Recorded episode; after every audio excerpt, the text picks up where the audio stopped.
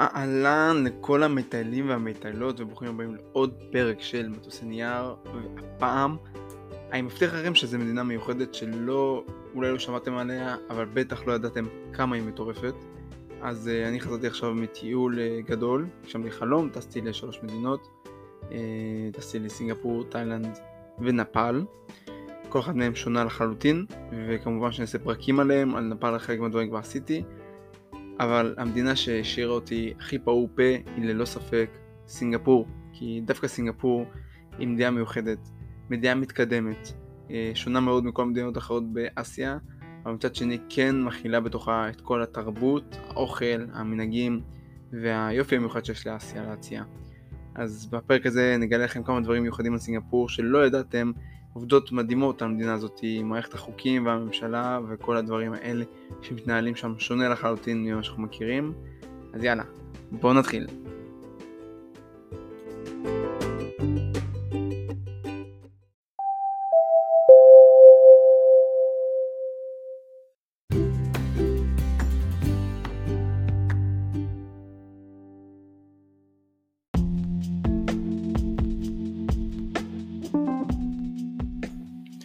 ועכשיו נתחיל בשתי דקות על היסטוריה על סינגפור. אז סינגפור היא עיר מדינה, כלומר היא מדינה שמורכבת מעיר אחת בלבד, הגודל שלה הוא בערך אה, גודל של גוש דן וחיים בה חמש וחצי מיליון תושבים, זה אומר שהיא צפופה מאוד, מה שדורש גם הרבה מאוד תשתיות, מבנים מיוחדים וכדומה, נגיע לזה גם בהמשך. היא שוכנת בדרום מזרח אסיה, ממש בקצה שם של מלזיה, מיקום שמבחינה אסטרטגית הוא מעולה, כי כל הסירות למעשה, האוניות שבאות מסין, יפן, קוריאה, תאילנד, וייטנאם, כל האזור הזה של אסיה ורוצות להגיע לאזור אירופה או לאזורים אחרים באפריקה ובאסיה, הם חייבים לעבור דרך שם, מה שהופך אותה להיות אחד מהמרכזי נמל הגדולים בעולם והופך אותה להיות כל כך עשירה, ככה שהתמ"ג שלה הוא השמיני בגובהו בעולם. אה, היא קטנה מאוד, ובגלל שהיא כל כך קטנה גם הם נדרשו להרחיב אותה הם הרחיבו את השטח שלה ב-25% באמצעות איים מלאכותיים. הם פשוט חתכו גבעות שהיו שם, אישרו את כל המדינה, ככה שגם אין עליות ואין ירידות, והוסיפו 25% שטח למדינה. סינגפור במקור אה, הייתה מושבה אה, מלזית, אחרי זה השתלטו עליה הבריטים, כמו שתמיד קורה, והקימו בה אה, עיר נמל מאוד מאוד מתקדמת. החברה ששלטה שם הייתה החברה הבריטית של חברת הודו המזרחית, והקצין שהיה אחראי על כל המיזם הזה קראו לו רפלס ושמו מופיע בהרבה מאוד מקומות בסינגפור. סינגפור בהמשך הפכה להיות אה, מדינה ב-1965 כאשר מלזיה החליטה אה, להתנתק ממנה, לא רצה אותה יותר ומפה לשם הפסד שלה. אה, השם סינגפור, המקור שלו זה מהמילה סינגפורה, שזה עיר האריה, למרות שאף פעם לא חיו שם אריות, אבל היו שם נמרים. הסמל שלה הוא המרליון, שזה חצי אריה חצי דג, מכאן גם השם, וחיים בה 75% סינים וגם מלזים והודים, ככה שהשפה הרשמית שם היא אנגלית, ויש גם סינית, מלזית והודית. והדתות שם הן מגוונות מאוד, מוסלמים, בודהיסטים, טאואיסטים, הינדואיסטים ונוצרים, וקצת יהודים, כמו בכל מקום בעולם. ככה שהיא מדינה מאוד מאוד מגוונת.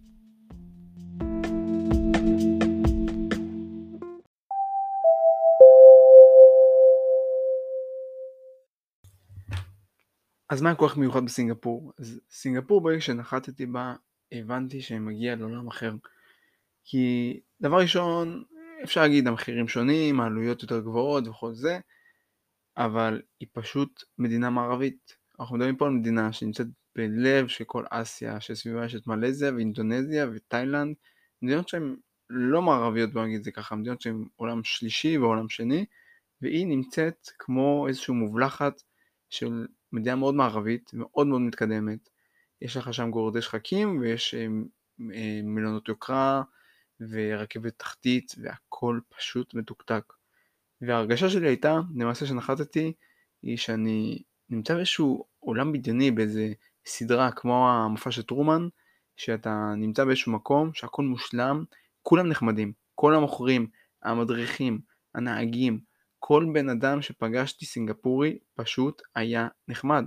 נחמד בקטע מדהים. הייתי נכנס לחנות, אפילו לא רציתי לקנות, סתם להסתכל, שואלים איפה אני, מתעניינים, ממליצים לי על מקומות באזור, ממליצים לי על אוכל, ממליצים לי על אטרקציות, ממליצים לי על לאן ללכת. אה, היה איזה מקום שהלכתי והסתובבתי, חיפשתי משהו לאכול, והכל כתוב, אה, או כתוב באנגלית, אבל גם לא תמיד מובן, כי מאיפה לי לדעת מה זה חביתת אה, גזר עם רוטב סויה? אין לי מושג מה זה, אז לא ידעתי מה להזמין, כי אתה מגיע למלאכת חמי אוכל, נגיע לזה גם בהמשך, יש שם כמות פסיכית של אופציות, ולך תבחר מה הכי טוב, כי אתה יכול לאכול רק משהו אחד.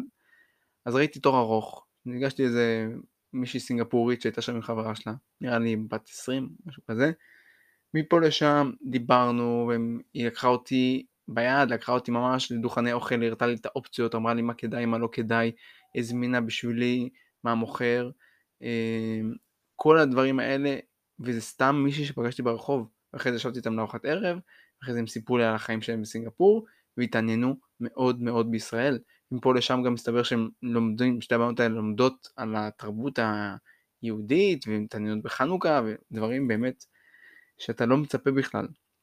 אז אה, בחור אה, זקן באחד מהמוזיאונים, אה, סדרן, ששמע שאני ישראל, מישראל, אז הוא שאל אותי אם אני יהודי, והוא היה בהלם, הוא אמר כזה, בחיים לא ראיתי יהודי, אתה כאילו היהודי הראשון שאני רואה, בן אדם בן 70, בחיים לא ראה יהודי. אני מקווה שגם עשיתי לעבור שם טוב, כי אני לא, לא יהודי קלאסי עם אף והכל. אז זה בעצם הרגשה שאתה מטייל במקום שלא הרבה תיירים נמצאים בו. כן יש שם תיירים, כן אתה רואה קצת, אבל גם יש שם הרבה מאוד תיירים מאסיה, אז זה מרגיש שונה קצת במקומות אחרים שיש לך את התיירים הלבנים כביכול, וגם היא מדינה מאוד מאוד מסודרת, ככה שאתה גם לא מרגיש את העומס, אתה לא מרגיש את הלחץ של התיירות, והם לא מרגישים רבועים מתיירים. כי הרבה מאוד אנשים מגיעים לשם, עושים קונקשן, עושים שם יום. אה, ההמלצה שלי בעקבות הטיול הזה היא כן להקדיש זמן לסינגפור, היא נקודת מעבר בין הרבה מאוד מקומות. אם אתם בדרך לאוסטרליה ואם אתם בדרך למקומות אחרים באסיה, תמיד אפשר לשלב אותה, זה קצת דורש מאמץ אולי, אולי זה לא בדיוק במסלול, אבל זה יעד שהוא מיוחד מאוד, והוא גם לא יעד שמגיעים אליו סתם ככה, אז כן הייתי משלב אותו כחלק מהטיול במזרח, כי הוא גם נותן פרופורציות על המזרח בהיבטים שונים שאנחנו לא מכירים אותם בהכרח. אז בגלל זה סינגפור הייתה מבחינת תיקוח מיוחדת, היום בפרק אנחנו נעבור כמובן על הדברים העיקריים שהכי אהבתי בסינגפור, אז נתחיל כמובן ברשימת האטרקציות המרכזיות בסינגפור. אז מבחינת אטרקציות בסינגפור בכלל, בכלל, בכלל לא יכול להיות משעמם, כי למעשה היא השקיעה הרבה מאוד מהכספים שלה בשביל לפתח את המדינה הזאת ובשביל למשוך אליה תיירות. אז אחת האטרקציות הכי מרכזיות שאתה יכול להגיע אליהן, ולמעשה הסמל של סינגפור זה כמובן אזור ה Marina Bay, אה, ויש את ה Gardens by the Bay, שזה האזור אה, שהוא כמו גן, שמשלב גן בוטני ביחד עם כל מיני גנים מכל העולם. אה, יש שם את העצים הענקיים האלה ממתכת, אם ראיתם אותם, עצים ענקיים ממתכת בגובה 30 מטר, שכל המהות שלהם זה בעצם להיות כמו עצים עתידניים, שעליהם גדלים כל מיני צמחים מטפסים וצמחים אחרים. אז הם נראים כמו עץ אחד גדול ממתכת שמורכב עם מלא צמחייה. בתוך כל הגנים האלה של הגרדנס ויידה ביי יש לנו את הכיפות, יש לנו את ה-Cloud Forest Dome ויש לנו את הכיפה של ה... פלורס דום נראה לי קוראים לה, שזה של הפרחים, אה, ויש עוד איזה שתי כיפות נוספות שהן קצת יותר זניחות, שזה גינות אה, של פרחים ופרפרים, אם זוכר נכון, בהם לא הייתי בשתי הכיפות האלה, הייתי בכיפה של ה-Cloud Forest ובכיפה של ה-Flowers, אה, ששתי הכיפות האלה זה הכיפות המרכזיות. אז נגיע שנייה לנקודה ונפריח שנייה איזה מיתוס, אומרים תמיד שסינגפור היא מדינה מאוד מאוד יקרה. היא שונה ממדינות המזרח, זה נכון, היא לא כמו מדינות רגילות, זאת אומרת, השהות שם היא קצת יותר יקרה, אה, בהשוואה נגיד להודו, נפאל, סינגפ... אה, תאילנד, אה, לא יודע, וייטנאם, כי היא אמנם במזרח אבל היא מאוד מערבית, אבל אני חושב שאם מגיעים לסינגפור צריך לקחת אותה בצורה שונה, צריך להתייחס אליה כמו למדינה אירופאית ולא למדינה מהמזרח. לכן גם אנחנו מטיילים בה פרק זמן שהוא הרבה יותר נמוך בהשוואה למדינות אחרות באסיה. אנחנו נהיה שם ארבעה חודשים או חצי שנה כמו שאנחנו עושים בהודו, כי זה יעלה לנו המון וגם אין שם כל כך הרבה מה לעשות. נהיה שם שלושה, ארבעה, חמישה ימים ונמצא את רוב הדברים המרכזיים. לכן גם אם היא קצת יותר יקרה, בסופו של דבר זה לא יוצא כל כך נורא. אני הייתי שם אה, ארבעה ימים, ובאמת התפרעתי עם אוכל, אכלתי שש ארוחות ביום ואני אוכל המון, והלכתי לכל אטרקציות, ועשיתי את כל הדברים המרכזיים שאני רוצה, והעלות הייתה בערך עם הלינה אני חושב משהו כמו 2,000 שקל. אוקיי? שזה לא הרבה בכלל בשביל ארבעה ימים, זה כמו אה, חופשה באירופה למעשה. חופשה באירופה, ארבעה ימים, אני מוציא בערך אלפיים שקל. אה, ששוב, גם בסינגפור יש הרבה מאוד דברים מאוד מאוד זולים, נגיע לזה בהמשך, אבל האוכל שם, אם אתה אוכל אוכל רחוב, הוא מאוד מאוד זול. אם אתה ישן במלונות כמו dorms או ב capsule hotel, זה מאוד מאוד זול, והנקודה הכי מרכזית על האטרקציות, רוב האטרקציות בה הן חינמיות, זאת אומרת אתה יכול להיכנס אליהן בחינם, אבל אם אתה רוצה לעשות דברים שהם אקסטרה אתה משלם עליהם, למשל Gardens by the Bay או אזור המרינה, אתה יכול להגיע שם חינם, יש שם מופע מזרקות ומופע אורקולי אה, חינמי בערב, באזור העצים יש בסביבות 7.45 מופע של אה, אורות כזה על העצים, ממש ממש יפה, אני הגעתי שם גמור מעייפות ופשוט שכבתי על הרצפה ונרדמתי, אז כזה פספסתי את רובו, אבל אחריו יש בסביבות 9 אה, מופע מזרקות מדהים אה, באזור המרינה, שלדעתי הוא אפילו יותר מרשים מהמופע אורות, הוא גם משלב כמובן אורות ומוזיקה והכל, אבל מדהים. ככה שאפשר לעשות את שניהם ובאמצע לעצור לאכול שם בקניון. אה, ושני המופעים האלה חינמים. הכניסה לגרדנס by the bay היא חינמית. מה שכן, אם אנחנו רוצים לעשות אטרקציות נוספות, כמו הכיפה של ה-Cloud Forest, או הכיפה של הפרחים, או דברים כאלה, אז משלמים להם קצת יותר. אה, אני חושב שזה היה 15 דולר לכל אחת מהכיפות האלה. אז אם אתם קצת קצרים בכסף, הייתי ממליץ דווקא להיכנס רק ל-Cloud Forest, כי זה פשוט מטורף. יש כיפה שהיא חממה, שבתוכה יש כמו אה, הר כזה של צמחייה, כל המהות של הגינה הזאת היא למעשה שהיא מחכה יער גשם, אה, יער גשם ממוזג, זאת אומרת שהוא בגובה של 2,000, 2,500 אה, מטר, שיש בו לחות גבוהה, הרבה מאוד משקעים, אבל גם עדיין צמחייה מאוד מאוד אבותה, כי הוא לא בפסגות הגבוהות מדי, ששם יש גם קרינה יותר מדי חזקה של האור, ככה ש... יש שם צמחייה כמו של אה, ג'ונגלים, יש שם הרבה מאוד צחלבים, לחות, אבל לחות נעימה, כי יש שם אווירה נעימה כזאת של 25 אה, מעלות עם לחות, זה דווקא מאוד מאוד נעים, זה גם אה, מרענן קצת להיכנס לזה אחרי הלחות והחום של סינגפור, ויש שם מפל בגובה 30 או 35 מטר בתוך הכיפה הזאתי. ואתה, כל מה שאתה עושה אתה בעצם עולה על הפסגת הר הזאתי ויורד, ובדרך כלל אתה רואה את כל הצמחייה ואת המפל, בתקופה שאני הייתי עשו שם תערוכה מיוחדת לכבוד הסרט החדש של אבטאר, ככה שזה לדעתי אחת האטרקציות המרכזיות דווקא בפארק הזה, זה והעצים, כמובן שאפשר להיות שם בגינה הזאת כל היום, יש שם אה, גן אה, הודי, גן יפני, גן סיני, גן אה, מהמזרח התיכון, יש שם גם סתם אזורים טרופיים כאלה ואחרים, אבל מה קחו בחשבון? חם, אני הגעתי שם בסביבות אחר הצהריים והיה פשוט חם למות, ככה שהשעות הדווקא יותר נעימות ויפות הן השעות של אחר הצהריים המאוחרות שכבר מתחיל להחשיך, כי יש שם גם תאורה מאוד מאוד יפה ולראות את אזור המרינה ב- בלילה ממליץ מאוד כי הכל מואר ואתה רואה את כל ה skyline המטורף של סינגפור אה, ויש שם את האזור של גן השפיריות שיש שם תצפית אה, עם אגם על אזור המרינה, על המלון המפורסם הזה עם הגשר, ממליץ ממליץ ממליץ. דרך אגב, סתם אנקדוטה, המלון הזה עם הגשר המפורסם שיש בו את הבריכת אינפיניטי שכולם מצטלמים בה, אז uh, תכנן אותו אדריכל ישראלי בשם משה משהו, אני לא זוכר את השם במדויק, uh, שכל המהות של הדבר הזה זה בעצם כמו אונייה שנמצאת ומחולקת בין שלוש בניינים שונים, זה נחשב מלון מאוד מפואר, אבל אם אתם מזמינים מקום מראש, לילה זה בסביבות ה-1200-1500 שקל, אז זה מאוד מאוד מומלץ אם אתם מגיעים שם לאיזה ירח דבש או שאתם בזוג, אני פשוט הייתי לבד בטיול הזה שם, אז לא היה לי סיבה ללכת למלון של חמישה כוכבים כי אין לי מה לפנק את עצמי, אבל uh, זה גם מאוד מאוד מומלץ אם אתם רוצים קצת להתפנק וליהנות שם מה, מהנוף המשגע.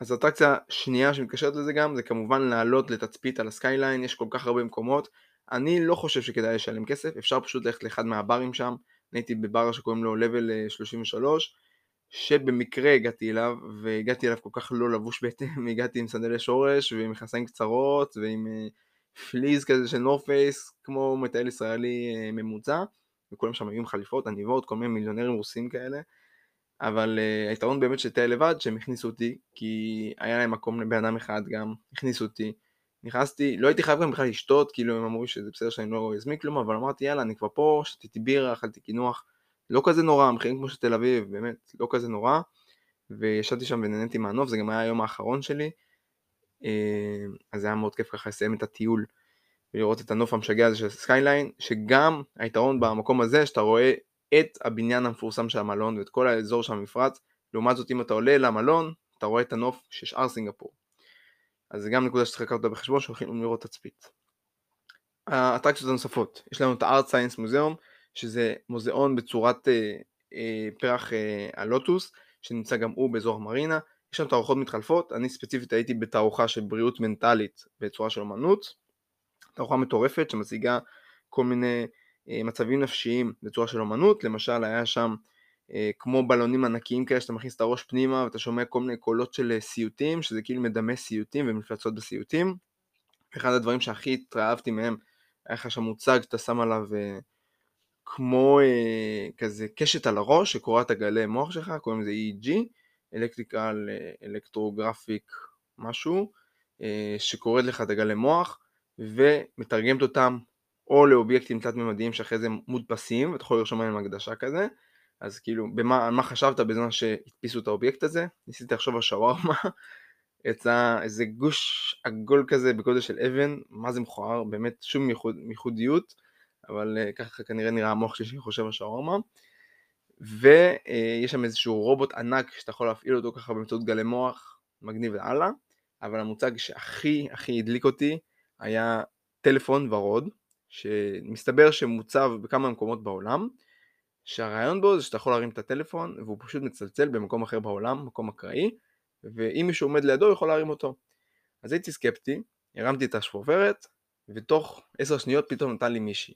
והייתי בטוח שזה איזה רובוט כמו סירי שמדבר איתי, ושזה לא איזה מישהי אמיתית, ואז התחלתי לשאול אותם שאלות, כאילו, אה, מאיפה את, בת כמה לראות כאילו אם זה באמת רובוט או לא, וזה לא היה רובוט, זה היה מישהי אמיתית ממלבורן אוסטרליה, שגם הרימה את הטלפון, ואחריי הגיעו עוד אנשים והרימו את הטלפון ודיברו עם אנשים אחרים מהעולם וגם הטלפון צלצל פעם אחת. ככה שזה תערוכה מאוד מאוד מיוחדת. תערוכות גם מתחלפות שם קחו את זה בחשבון לא זול שם אז אם אתם קצרים בכסף תבחרו תערוכה אחת או שתיים. כל תערוכה היא בערך שעה, שעה וחצי. אה, אני הייתי גם בתערוכה של העתיד באומנות שהיא הייתה מאוד מאוד קטנה ומאכזבת אז לא ממליץ עליה במיוחד. והתערוכה של אומנית אוסטרלית שמציגה אה, דמויות של בני אדם בשילוב עם בעלי חיים. למי שיש בטן רגישה לא ממליץ כי זה נראה כל כך כל כך כל כך אמיתי, אני אראה תמונות של זה גם, זה נראה כל כך כל כך מציאותי ואמיתי שזה מאוד מאוד אה, קשה אה, להתרגל לזה אבל אה, כי היא עושה לזה גם, היא עשתה השתמשה בסיליקון ובשערות אדם ואז אתה רואה דמות של אדם משולבת עם חזיר, מנהיגה ילדים, כאילו דברים שאם יש לך בטן רגישה, לא מומלץ. האטרקציה הבאה, הגנים הבוטניים, שגם שם הכניסה חינמית, גנים ענקיים, ובתוכם יש את פארק הסחלבים, שמפוצץ בסחלבים, כמו השם שלו, והוא יחסית יקר יותר, זה גם 15 דולר, הצגתי כרטיס סטודנט, נכנסתי ב-3 דולר, ממליץ, ממליץ, ממליץ, הוא מדהים. כל השאר הדברים זה כמובן יש את צ'יינאטאון והרובע המוסלמי והרובע ההודי, כל הרבעים האלה, בדגש על צ'יינאטאון, זה פשוט לטייל במדינה נפרדת. כמו להיות בסין, כמו להיות במדינה מוסלמית, כמו להיות בהודו, רק כשאתה נמצא בתוך סינגפור. באותו יום עברתי בין צ'יינאטאון לרובע המוסלמי לרובע ההודי, ואתה ממש מחליף מדינות. אתה עובר משווקים סינים עם אה, אוכל סיני לאוכל של שווארמה וקבאב וכל מיני דברים מוסלמיים, ואז אתה עובר לאוכל אה, הודי, ואתה רואה גם את העיצוב ההודי שם. יש את האי המלאכותי סנטוזה, שזה אי שבנו אה, באזור המערבי, דרום מערבי של סינגפור, שבתוכו יש את פארק האוניברסיטה סטודיו, יש בו אקווריום, ויש בו את הנקודה הכי דרומית ביבשת אסיה.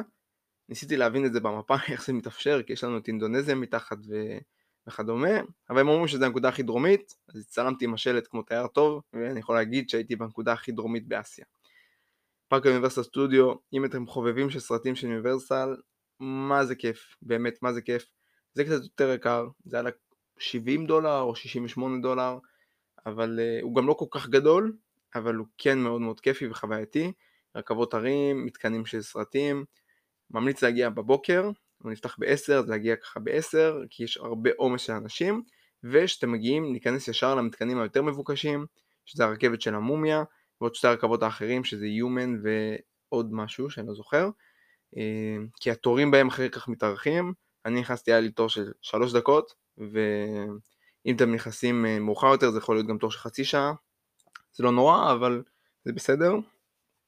ועוד משהו שעשיתי שם, תהייתי לבד, אז מסתבר שאם אתה לבד, יש לך תור מקוצר. כל מתקן שנכנסתי שאלתי אם יש תור אה, לאנשים שמטיילים לבד, ויש הרבה מאוד מתקנים שיש להם. אה, כי מה שקורה שאתה מכניס אנשים לתוך מתקן, לפעמים נשאר לך איזה ספוט פנוי או משהו כזה, ואתה יכול להכניס שם בן אדם שמטייל לבד. אז זה חסך לי מלא מלא מהתורים, כי פשוט רובם מטיילים שם עם אנשים, קחו את זה בחשבון. עוד אטרקציה, יש לנו את הגלריה הלאומית לסינגפור, להתפתחות של סינגפור, מקום שלא הרבה יודעים עליו, אבל מה שמיוחד בה למעשה שהיא מציגה גם מבנה תלת-ממדי של סינגפור, שעם מופע אור קולי מסביר את כל ההתפתחות ואת המבנה של סינגפור המיוחד, ובקומה למעלה יש לנו גלריה שמציגה גם את ההתחלה של סינגפור, איך היא התחילה כמושבת דייגים, את כל ההתפתחות שלה, עיר נמל, וגם תערוכה שמציגה את כל החידושים הטכנולוגיים, את כל המהות של החידושים האלה בהיבטים של סינגפור.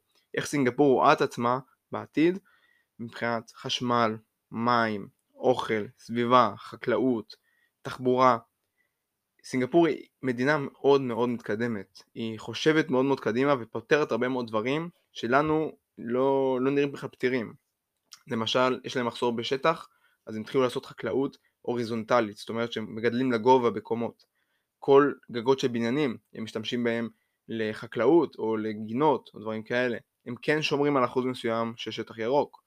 שהם מתכננים את הסקיילן אה, שלהם, את הקו הרקיע, הם בעצם מתכננים אותו ככה שהבניינים לא יסתירו אחד לשני, ושכן יהיה זרימה של אוויר, וכן יהיה זרימה אה, טובה של הבניינים, שלא כל בניין יראה תלוש מהשני, כמו שנגיד קורה בתל אביב, שיש בו לך בניין ענק, ולידו עוד בניין ענק, ואז עוד בניין ענק שמסתיר את הבניין הענק, ואתה למעשה מקבל מבוך של בניינים, שאף בניין לא רואה את הים או את האזור היפה. אז ככה הם מתכננים את זה ככה גם בצורה מדורגת, שכל הבניינים יהיה להם נוף למרינה. אמ, זה ההיבט הזה. היבט של תחבורה, הם מייעדים לכך שכל אה, כל נקודה בסינגפור יהיה לה גישה של לפחות 15 דקות הליכה למטרו. בארץ אין לנו מטרו אחד עדיין שעובד, ואצלם הם מתכננים שיהיה מצב שיש לך 15 דקות הליכה למטרו. בנוסף הם בונים שבילים של אופניים, ככה שתוכל לנסוע את כל סינגפור למעשה באופניים. יש להם מעברים בין מקומות שהם מוצללים עם מאווררים לפעמים גם, אה, שהמטרה שלהם זה לעודד הליכה של אנשים ומעבר של אנשים. אה, יש להם גם אה, משהו שקשור לאיכות המים למעשה. הם אוספים מי גשמים והם משתמשים בהם גם לצריכה ביתית וגם לחקלאות. זה המדינה השנייה בעולם סך הכל שעושה את זה. למשל בישראל, אם שאלתם את עצמכם, אם יורד גשם, יש לנו את כל השיטפונות האלה וכל הרחובות שמוצפים. הנה אתמול ירד גשם והייתי ברחובות והייתי צריך קייק. אה, אז כל המי גשמים האלה, הם מנצלים אותם, מתארים אותם והם משתמשים בהם לצריכה ביתית, הם אוספים ממש את כל הגשמים האלה, שזה משהו מאוד מאוד מיוחד. אז הגלריה הזאת זה ממש על קצה המזלג, כל מה שאמרתי לכם שמוצג שם, והכניסה שם חינם.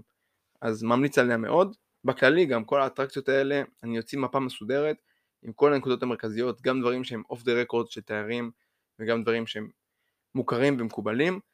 אה, על סינגפור אין הרבה מאוד חומר, אז אני אוציא מפה על זה, אני אוציא גם דף אה, PDF עם קצת הסברים ודברים שאני ממליץ עליהם.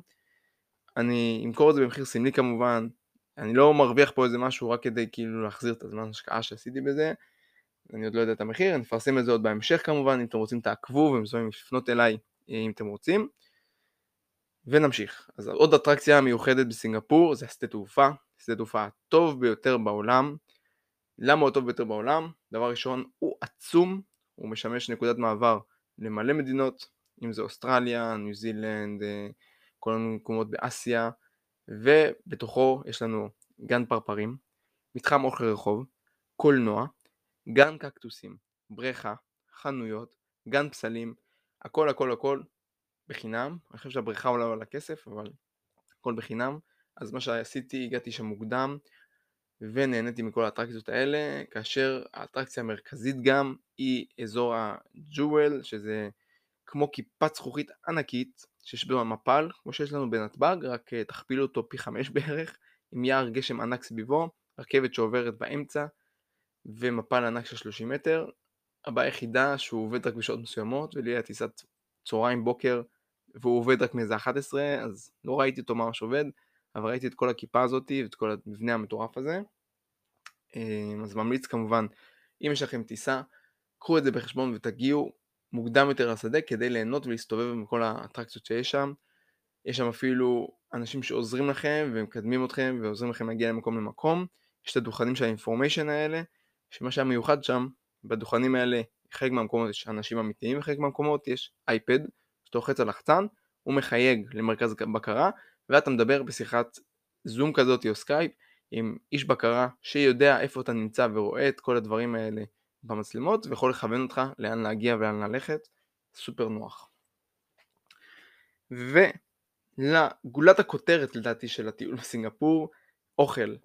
אם אתם כבר שמעתם פרקים קודמים, אתם יודעים שאני חולה, חולה, חולה על אוכל, במיוחד על אוכל אסיאתי, ובמיוחד על אה, קוקוס, אז אה, נגיע לזה גם בפרקים על תאילנד, ששם כאילו זה ממלכת הקוקוס, ואלוהים ישמור, וואו וואו וואו.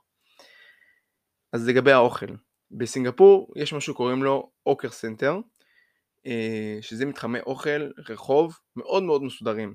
יש שם, כמו סינגפור, יש סטנדרט ניקיון, יש שם חלק מהמקומות גם מזגנים, אם לא מזגנים אז מאווררים, הכל נקי, מתוקתק, מסודר, ככה שגם מבחינת בטיחות המזון, סמכו על הסינגפורים, יש להם דירוגים וכל אה, דוכן אוכל שם עובר את המבחנים שלו. אז למה האוכל בסינגפור מיוחד? כי יש שם הכל. בגלל שהיא מדינה שמשלבת הרבה מאוד לאומים מהווה כמו מדינת מהגרים, יש שם אוכל, תחזיקו חזק.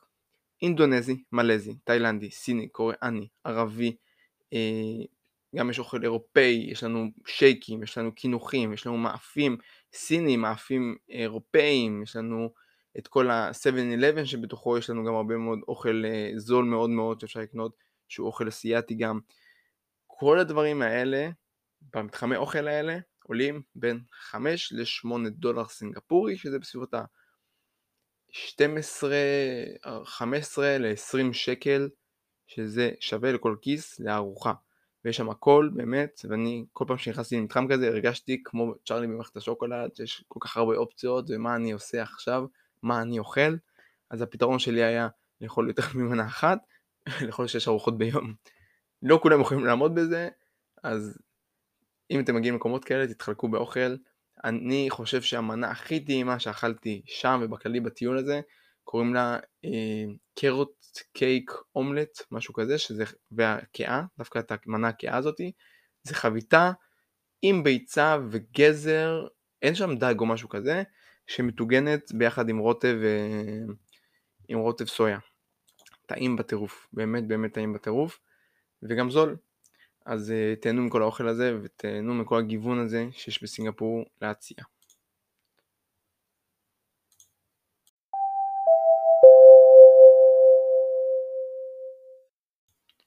ונעבור עכשיו לחלק היותר מעניין לדעתי דווקא, וזה קצת לתת רקע על סינגפור, כי סינגפור היא מדינת המושלמות ו... וזה משהו מאוד מאוד מיוחד.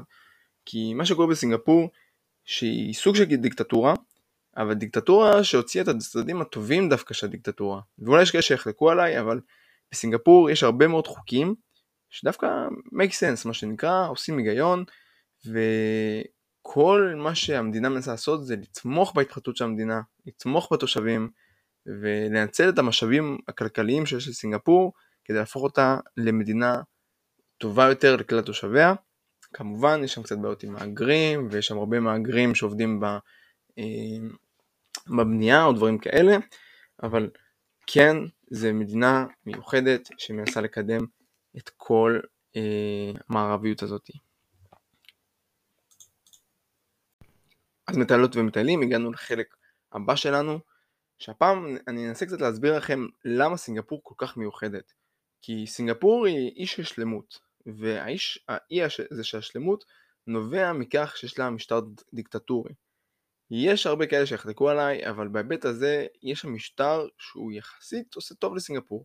כי הוא לוקח את היתרונות של המשטר הדיקטטורי, שיש לך את השליטה על הרבה מאוד פרמטרים, ומשתמש בהם דווקא לטובה. אז נכון שיש דברים שאולי קצת פחות טובים, אבל אני דווקא חושב שהחוקים וכל מה שהמשטר הזה מנסה לעשות שם בסינגפור, דווקא מקדמים מאוד את סינגפור. ואני אנסה להסביר לכם למה. אז המשטר הדיקטטורי שם גם מחוקק, מחוקק הרבה מאוד חוקים, אבל גם דואג לכך שהתושבים יהיה להם סביבת חיים שמאפשרת להם להתקיים בשלווה, בנחת, בצורה הוגנת ולהתקדם ולהתפתח. אז יש הרבה מאוד השקעה, אם זה בתחבץ, אם זה בלימודים והשכלה, אם זה התפתחות עירונית, ואם זה במקומות uh, עבודה, ככה שכמה שיותר תושבים סינגפורים יוכלו להתפתח ולפרוח. אז יש שם הרבה מאוד חוקים, חוקים של האנשים המערביים כמונו שמגיעים לשם קצת נראים לנו אבסורדים, אבל יש להם היגיון מאחוריהם ותנסו להבין את זה. חוק ראשון, אסור מסטיקים. אסור מסטיקים ברמה שלא מוכרים אותם אפילו בפיצוציות או במקומות כאלה ואחרים, ויש בזה היגיון מסוים כי מסטיקים יוצרים כל כך הרבה לכלוך ואני כל כך הרבה פעמים דרכתי על מסטיק וישבתי על מסטיק ונגעתי בשולחן שהיה בו מסטיק וגירדתי מסטיק מה, מהאור שלי ומהבגדים שלי ומהנעליים שלי ובתור בן אדם שיש לו הרבה מאוד שיער ברוך השם על הגוף להוריד מסטיק שנדבק לך לשערות ברגליים וואלה לא כיף אמ, אז אסור מסטיקים אסור דוריאן ברכבת פרי הדוריאן, מי שמכיר אותו, פרי עם ריח של גופה. מבחינת טעם, אני טעמתי ובסדר, כאילו טעמתי, הבנתי, אוקיי, לא נראה שאני אחזור על זה. אה, הוא בסדר, יש לו כזה טעם של אה, עוף עם שום ובצל אבל מתקתק, והמרקם שלו זה קצת מרקם כמו של בשר לא מבושל כזה, אבל לא יודע איך להסביר את זה. תנסו, תאכלו את זה אבל עם כפפות ותתכוננו לזה שיהיה לכם ריח חזק מהפה במשך הרבה מאוד זמן כי כמו שהבנתם גם אין מסטיקים להעביר את הטעם הזה אמ, אבל הוא בסדר, הוא לא דוחה, כאילו זה לא, לא שתירקו את זה ישר, הוא בסדר. קיצר הוא מסריח, אז אסור לקחת אותו ברכבת. אסור לאכול, לשתות, לדבר בתחבץ. מי כמונו יודע כמה זה מעצבן לשבת באוטובוס שעה ויש לך איזה חופר שיושב לידך ופשוט צורח בטלפון. אסור לזרוק זבל, אסור, אה, כאילו כמובן על הרצפה וכל זה, והדבר שהכי הכי הדהים אותי זה שאסור להאכיל יונים. אם על כל האסור הקודמים היה קנסות של 500 דולר סינגפורי, שזה המון, במקרה הזה שאסור להאכיל יונים, יש לי שלט מצולם שהקנס הוא 10,000 דולר סינגפורי אם אתה מאכיל יונים. ולמה אסור החילונים? כי ברגע שאתה מאכיל אותם, אתה מושך אותם, הן באות, חיות שם, חרבנות שם, אוכלות שם, מביאות מחלות, מביאות את החברות שלהם, וקשה להיפטר מזה. אז אסור החילונים, וזה יצר מצב שאין לך כל כך הרבה יונים ומטרד כמו שיש לך בערים אחרות גדולות בעולם. מבחינת דיור, אז בסינגפור הדיור הוא שונה מכל העולם, כי הדיור הוא למעשה שייך למדינה. כל הבתים כמעט שייכים למדינה, 80% מהאוכלוסייה גרים בדיור ציבורי, שבעצם משכירים דירה מהמדינה לטווח ארוך של 99 שנה, כאשר בכל שלב גם המדינה יכולה להחליט שהיא עושה איזה פינוי בינוי אז היא תעביר אותך לדירה אחרת, היא לא תדפוק אותך, היא תעביר אותך לדירה אחרת עם אותו תשלום שאתה משלם.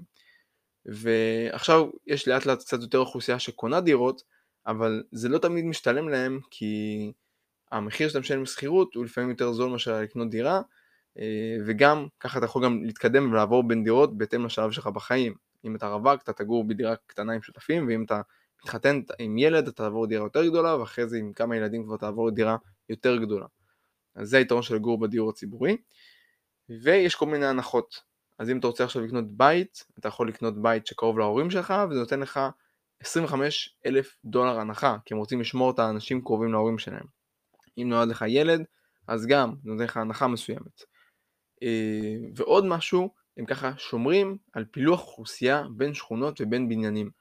בגלל שסינגפור היא מורכבת מהרבה מאוד לאומים, המטרה שלהם היא לשמור על כך שבכל בניין וכל אזור יהיה הרכב אחיד של אוכלוסייה. שלא יהיה מצב שיהיה לנו שכונה רק של הודים, או רק של סינים, או רק של מלזים, שיהיה לנו מגוון, ככה שגם נמנעת האפשרות של ליצור אה, איזושהי גזענות או סלידה כלפי אוכלוסייה מסוימת ואין היווצרות של משהו שהוא כמו גטו אה, גטו, לא יודע, גטו הודי או גטו אה, סיני. אז זה עוד משהו.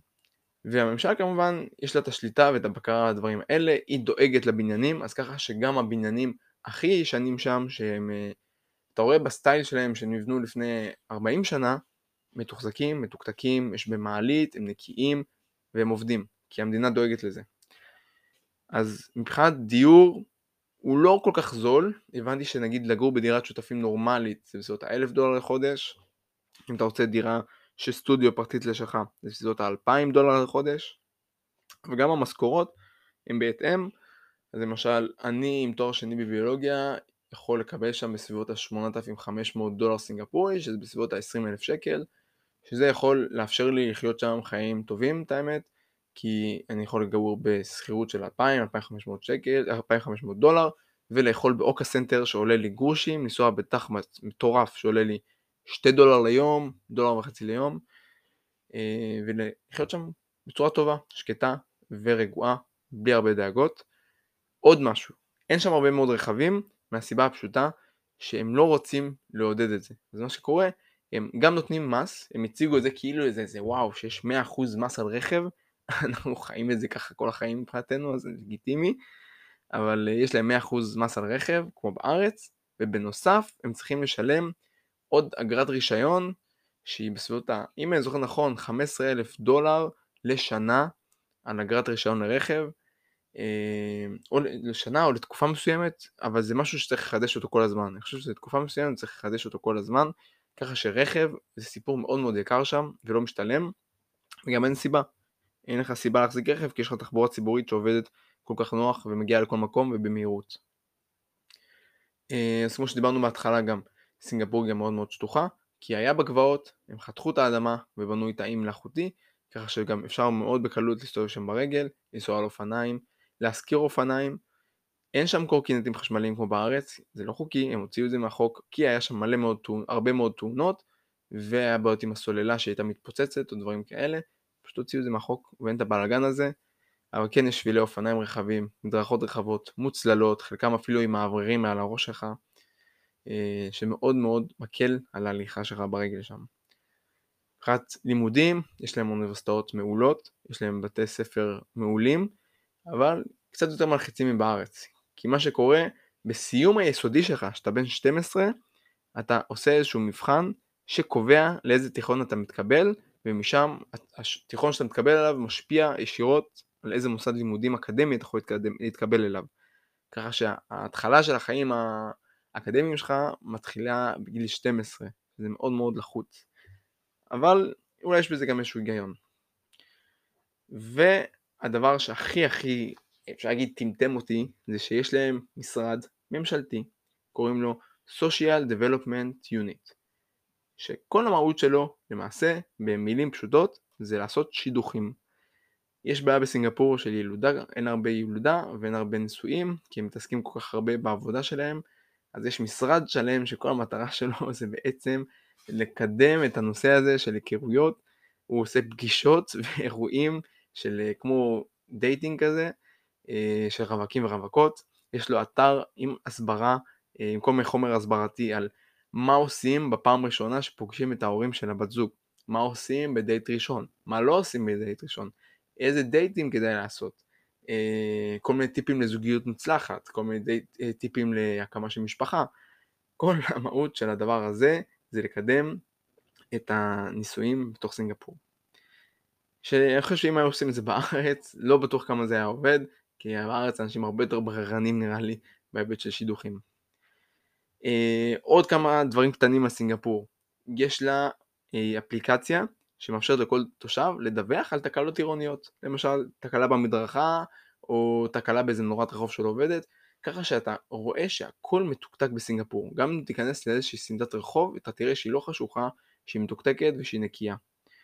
יש להם רשות פארקים שבאמצעות רחפנים מנתחת את האוכלוסייה של העצים ובודקת אותה כל הזמן.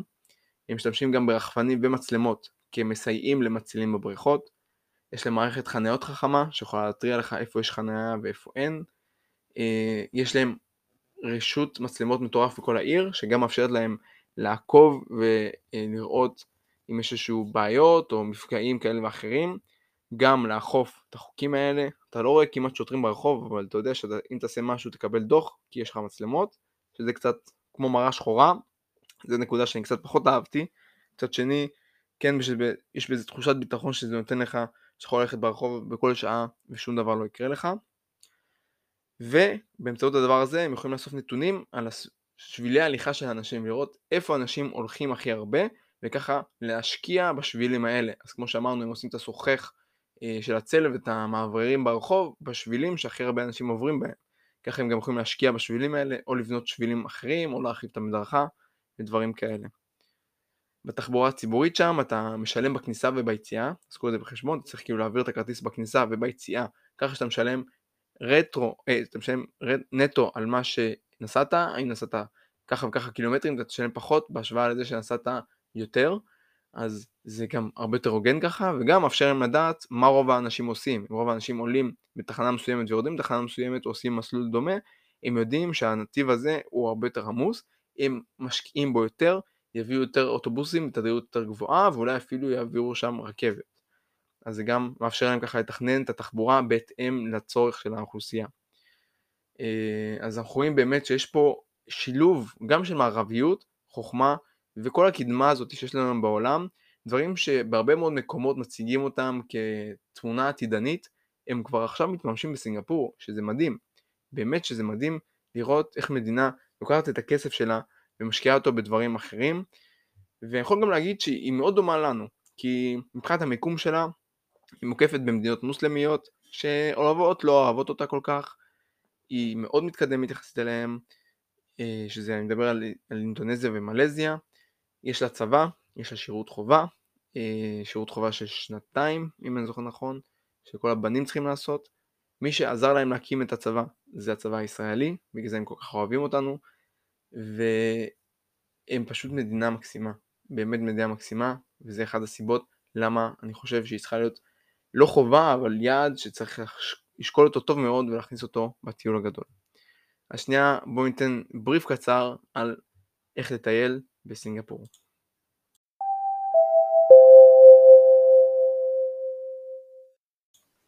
אז איך לטייל בסינגפור? דבר ראשון הגעה, הייתי משלם אותה כטיול בטיול גדול, אז זה הגעה מכל מדינה אחרת שאתם רוצים כטיסת קונקשן או כנקודת מעבר, אז יכול להיות שזה קצת ידרוש תוספת אה, משאבים, אבל זה משהו שיכול להיות שווה את זה.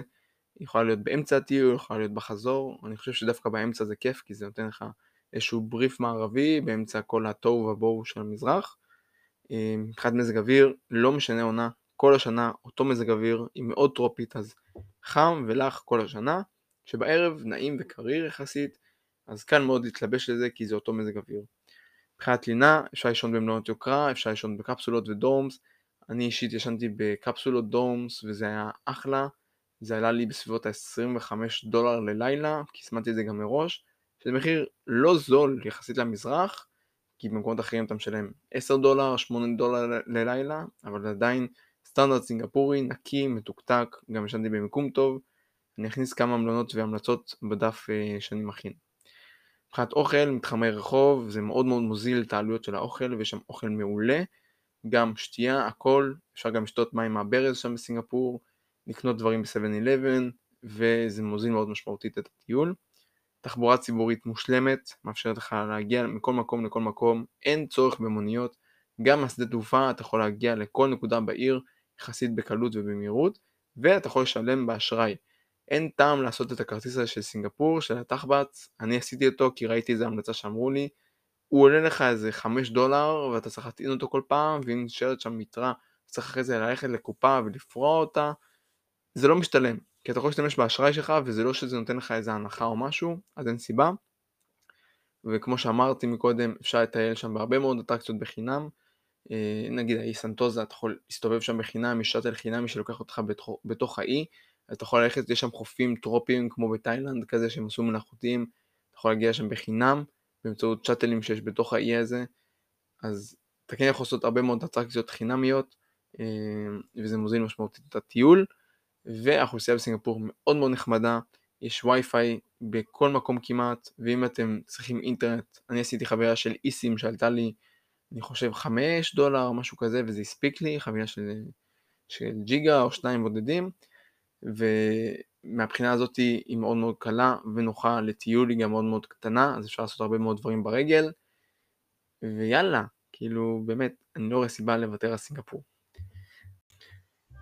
אז תודה רבה שהאזנתם לעוד פרק של מטוסי נייר, כל המטיילים והמטיילות שכאן איתנו. אה, מקווה שאהבתם, אם אהבתם אנחנו נמצאים גם באינסטגרם ובפייסבוק פפר פלנס פודקאסט. עכשיו חידשתי גם ועשיתי לוגו חדש כדי שיהיה לנו קצת משהו יותר יפה בעיניים. אם יש לכם הצעות, שיפורים, רוצים להתראיין, כל דבר, מוזמנים ליצור איתי קשר בפרטי. אני עכשיו גם אעשה מפה שמציגה את כל המקומות שדיברתי עליהם, פלוס מקומות נוספים, אה, ואיזה קובץ PDF שיסביר לכם קצת על סינגפור, כי אין הרבה חומר עליה, אז אני אמכור אותה במחיר סמלי, מוזמנים ליצור איתי קשר בפרטי. אה, אני חושב שזה יהיה בסביבות ה-20 שקל, אז מוזמנים ככה ליצור איתי קשר בפרטי ונתקדם משם. ובכל מקרה, תודה רבה שהאזנתם, ויאללה, נתראה בפרקים הבאים. ביי בינתיים.